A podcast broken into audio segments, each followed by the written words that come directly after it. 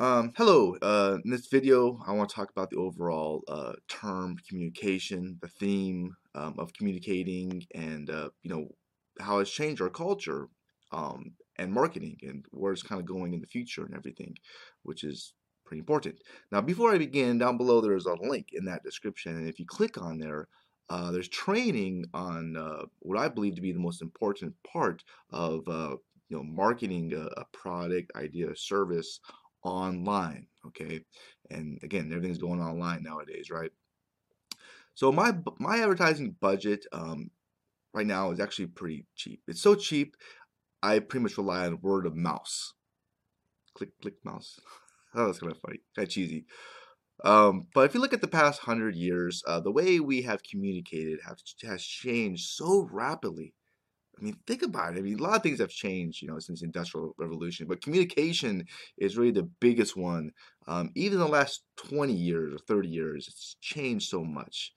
Um, a big trend nowadays is for business owners to really go, well, you don't know this social media shit, so let's just outsource it to the young buck. Bam. And so these young kids are coming in there going, well, you know, I could do your social media shit for you because you don't want to learn and I'll charge you whatever.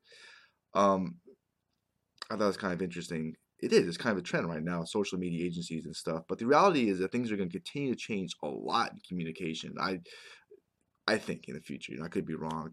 Uh, so you really should be studying, you know, how the world is communicating with these new platforms, devices, and educating yourself, and, and kind of evolving where you know the world is going and where youngsters are going, because you know people are young are the future, kind of in a way, right? Uh, for example, I just heard about this new app called Musica that lets kids do music and stuff. So if you're if you're like into the music scene and trying, to, which is like a really tough one. Um, I have a good friend of mine who does uh, who, does he weddings and now he does uh, he does church things at churches and stuff. But it's a way to get your name out there too. There's a lot of different cool stuff. But uh, today, most parents and grandparents uh, are probably trying to teach their kids to put down the devices, you know, and communicate face to face uh, because they have this romantic view of what communication should be. Um, and the way the world should be and the way it really is are two different things. Um, it really is. And parents think their kids don't know how to act social. They're socially awkward because they only live in the phone. Stop that. Stop the phone. Go, you know, play outside or something, right? Um, but the reality is, if you really sit down and think about this, and I was thinking about this yesterday, uh, the other day, is that kids are actually all very social. They're actually probably more social than their parents and grandparents were, were when they were going through elementary school and middle school and high school because they went outside and threw balls and stuff, and they're on these platforms communicating with other people. So they were very social. It's just a different platform. It's a different way of looking at things, really. Um, and the way we communicate, uh, which thanks to this device, has changed so much. This is the main form of communication throughout the world. I mean, I think I read somewhere in Africa, over 90% of the people have smartphones now or whatever. And I think that, I know Apple charges a lot of money too, but, you know, there's a possibility that these puppies can be free. Companies will give them to you. Why? Well, think about it. When you get this device for free, then they could market stuff on them to you and sell you stuff on the back end. So, that's, that's something I was kind of thinking about too. Um, and the way we communicate using the phone is the way we recommend products and services will happen that way because that's where people's attentions are. You know, if you know, it's like billboards and stuff. Yeah, you know, if people are, you know, got smart uh, cars, drive themselves, and they're like, you know, looking at their phone, they're on the way to work. These billboards don't have any value because nobody's looking at them or attention to them. Like even commercials, right? You know, I read most people when the commercials come, they go boop right to the phone and do do do do do. The commercials over, boop, and you know, so there's not much value in commercials anymore. It's dying. You know, that's just the reality is, right?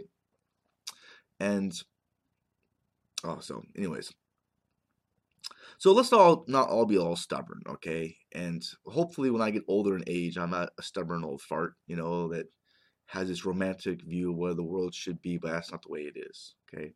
So even now, I think the way communication is going towards is voice, and there's you know there's some information that's backing that up. I think it is. Um, it's gonna be like this. Alexa, you, you know if you've heard of Alexa, right? It's at least I think pretty Amazon.com owns Alexa. I'm pretty sure, but which is like taking over the world or something. but they're like, hey Alexa, I want my gutters cleaned. Who should I call? Who should I contact? Voice is big because the cool thing about uh, you know, you know, on your on your homes and stuff, you have smart voice things going that way.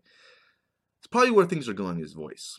So knowing where these newest platforms are going, and you know, learning the algorithm is a good thing to know and experimenting with processes you know like right now i'm i'm experimenting with instagram and dming people uh, like how many people can i talk to if i can i dm without the spam filters popping up and going bam you know, and uh, you know, three or four years ago, I've been in you know the internet world for a little while, but three to four years ago, I was experimenting with YouTube algorithm, and I was hitting these you know very low competitive keywords that had a lot of traffic in them, and I kind of figured out the algorithm. And obviously, that's changed. You know, even Google itself changed a lot since the days when I first got into it.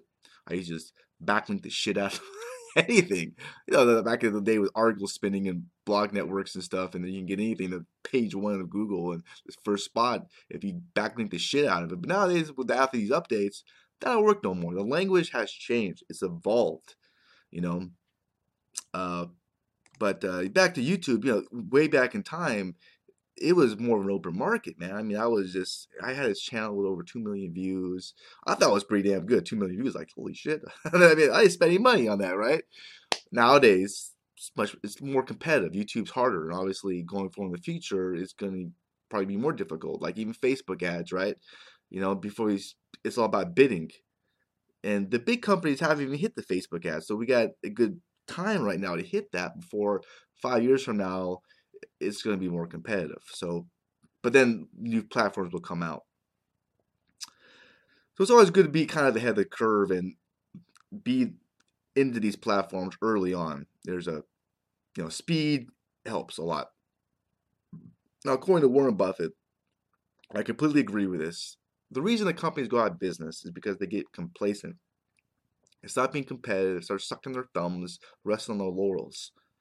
Um, they don't even evolve enough enough out there, right? And it's completely true. I completely agree with that too. And even yourself, if you're uh, uh, like me, I'm a personal brand, I'm a business. I'm always learning new, try, trying to learn new things and evolve as, in myself in my own life. And communication is really most of the business. You know, without that, you can't sell anything, and there's no money. Uh, it doesn't matter if you have the best damn thing in the world. Uh, so communication is a lot, and that's why marketers, well, they kind of ruin things, right?